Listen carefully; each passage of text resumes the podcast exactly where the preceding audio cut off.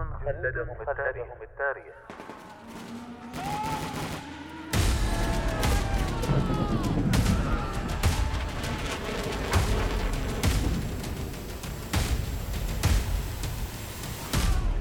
خلدهم التاريخ. كم يفخر التاريخ العسكري برجال كتبوا سيرهم في سجلاته بحروف من الجهد والتضحية والعطاء. فبقت أسماؤهم خالدة باقية مثالا لمعنى الجندية التي دبت خطواتها كل شبر من أرض الوطن. جنود خلدهم التاريخ. برنامج أسبوعي نتعرف من خلاله على الجنود الذين ضحوا بحياتهم من أجل أوطانهم. يعده الدكتور هلال بن سعيد الحجري. ويقدمه المقدم الركن. محمد بن سعيد المشيخي.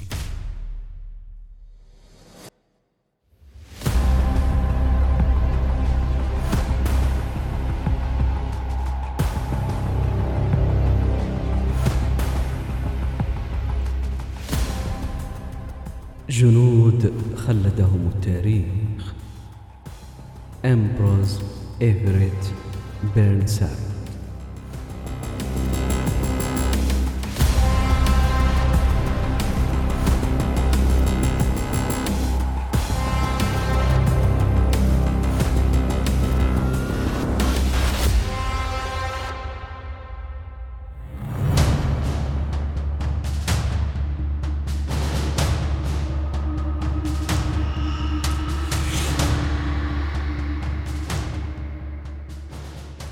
ما هو الشيء المشترك بين البندقية والسكك الحديدية المختلفة والحرب الأهلية الأمريكية والحرب الفرنسية البروسية والرابطة الوطنية للبنادق؟ هنا الجواب.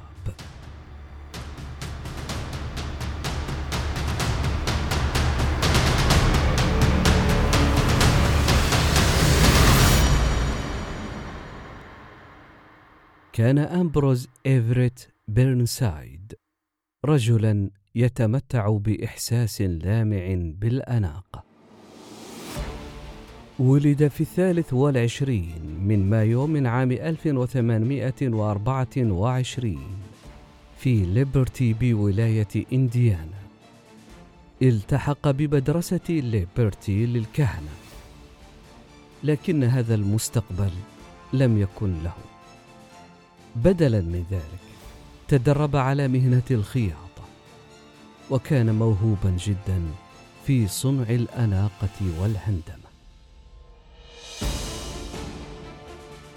نمى بيرنسايد لحيته في وقت مبكر ربما للتعويض عن رأسه الاصلع كما طور لديه اهتماما بالشؤون العسكرية ربما بسبب خبرته في الموضة وهوسه في التبرج والتزيين. التحق بالأكاديمية العسكرية الأمريكية في عام 1843 وتخرج بعد أربع سنوات. حصل على عمل برتبة ملازم ثان في المدفعية الأمريكية الثانية. ثم ذهب للانضمام إلى الحرب المكسيكية الأمريكية ووصل متأخرا للقتال. نقل بيرنسايد إلى المدفعية الأمريكية الثالثة لحماية طرق البريد بين نيفادا وكاليفورنيا في ديسمبر من عام 1851 ترقى إلى رتبة ملازم أول. وبحلول أكتوبر من عام 1853 استقال من الجيش لتطوير بندقية قصيرة باسمه. وأسس شركة بيرنسايد آرمز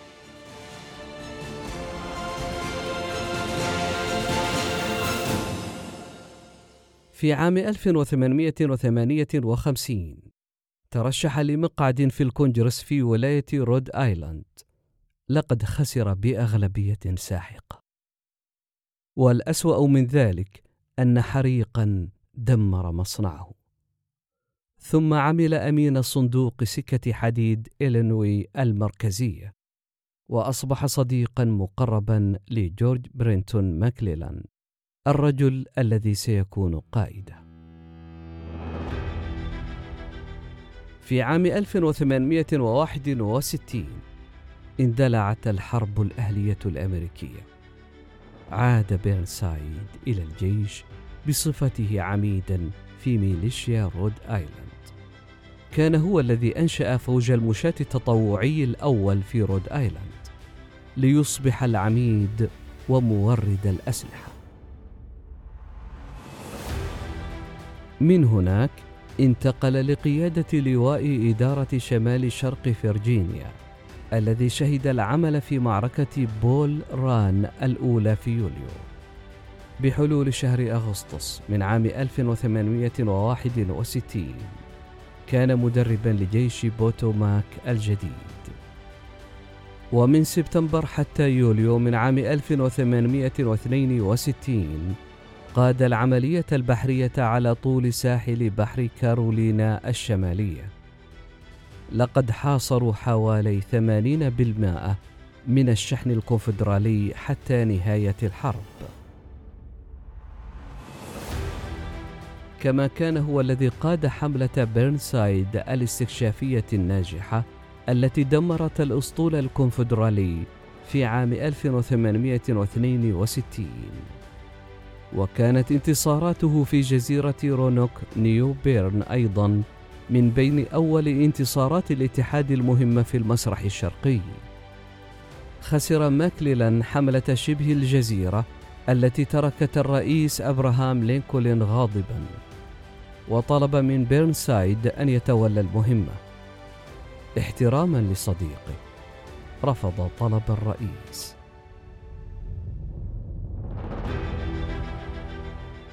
وبدلا من ذلك تولى قيادة الجناح الأيمن لجيش بوتوماك وانطلق في حملة ماريلاند في معركة ساوث ماونتن.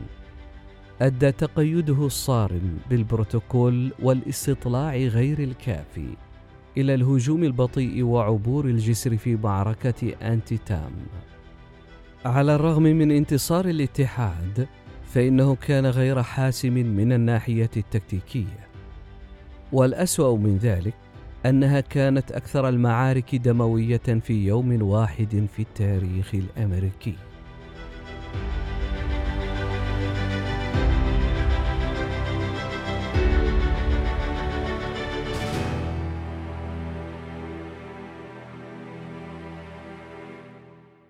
في الرابع عشر من شهر أغسطس من عام 1864 أمر الجنرال أوليسيس جرانت بيرنسايد بالذهاب في إجازة طويلة.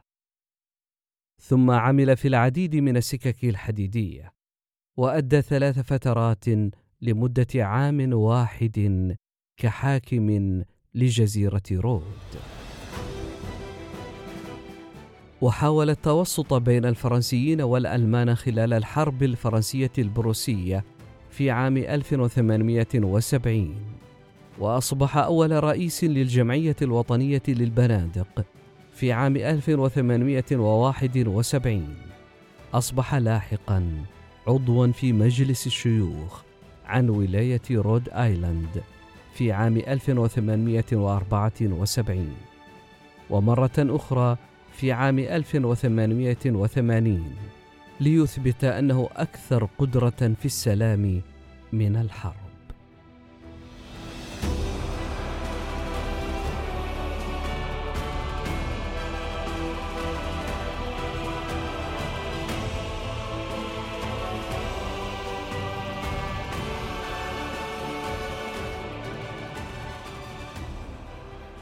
توفي بيرنسايد فجأة بسبب الذبحة الصدرية في صباح يوم الثالث عشر من شهر سبتمبر من عام 1881 في منزله في بريستول رود آيلاند برفقة طبيبه وخدم أسرته فقط. أخذ موكب نعشه في عربة تجرها أربعة خيول سوداء إلى الكنيسة التجمعية الأولى في المدينة. حيث حضر العديد من كبار الشخصيات المحلية بعد القداس وصل الموكب إلى مقبرة سوان بوينت للدفن وازدحمت شوارع بروفيدنس بآلاف المعزين من جميع مدن الولاية والعديد من الأماكن في ماساتشوستس وكونكتيكت لهذه المناسبة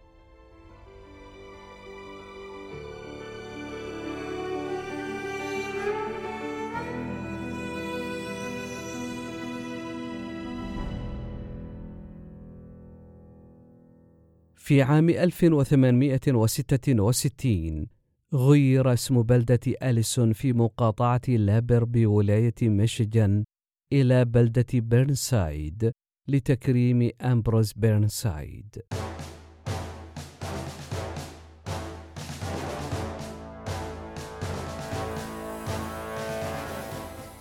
كما خصص تمثال له صممه نحات نيويورك لاونت تومسون في عام 1887 في اكستشينج بليس في بروفيدنس مقابل قاعة المدينة. قام الممثل أليكس هايد وايت بدور بيرنسايد في فيلم الآلهة والجنرالات في عام 2003 والذي يتضمن معركة فريدريكسبيرغ. كان بيرنسايد شخصا متواضعا يدرك حدوده وقد دفع أحيانا إلى القيادة العليا ضد إرادته. يمكن وصفه بأنه رجل سيء الحظ حقا سواء في المعركة أو في الأعمال التجارية حيث سلب حقوق سلاح الفرسان الناجح الذي كان من اختراعه.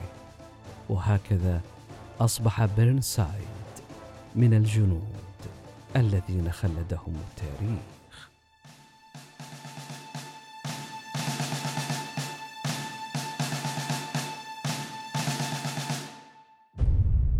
جنود خلدهم التاريخ.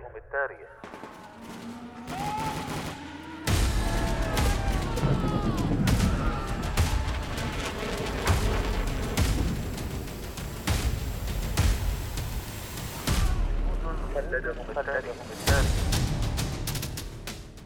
كم يفخر التاريخ العسكري برجال كتبوا سيرهم في سجلاته بحروف من الجهد والتضحية والعطاء فبقت أسماؤهم خالدة باقية مثالا لمعنى الجندية التي دبت خطواتها كل شبر من أرض الوطن. جنود خلدهم التاريخ. برنامج أسبوعي نتعرف من خلاله على الجنود الذين ضحوا بحياتهم من أجل أوطانهم. يعده الدكتور هلال بن سعيد الحجري. ويقدمه المقدم الركن محمد بن سعيد المشيخي.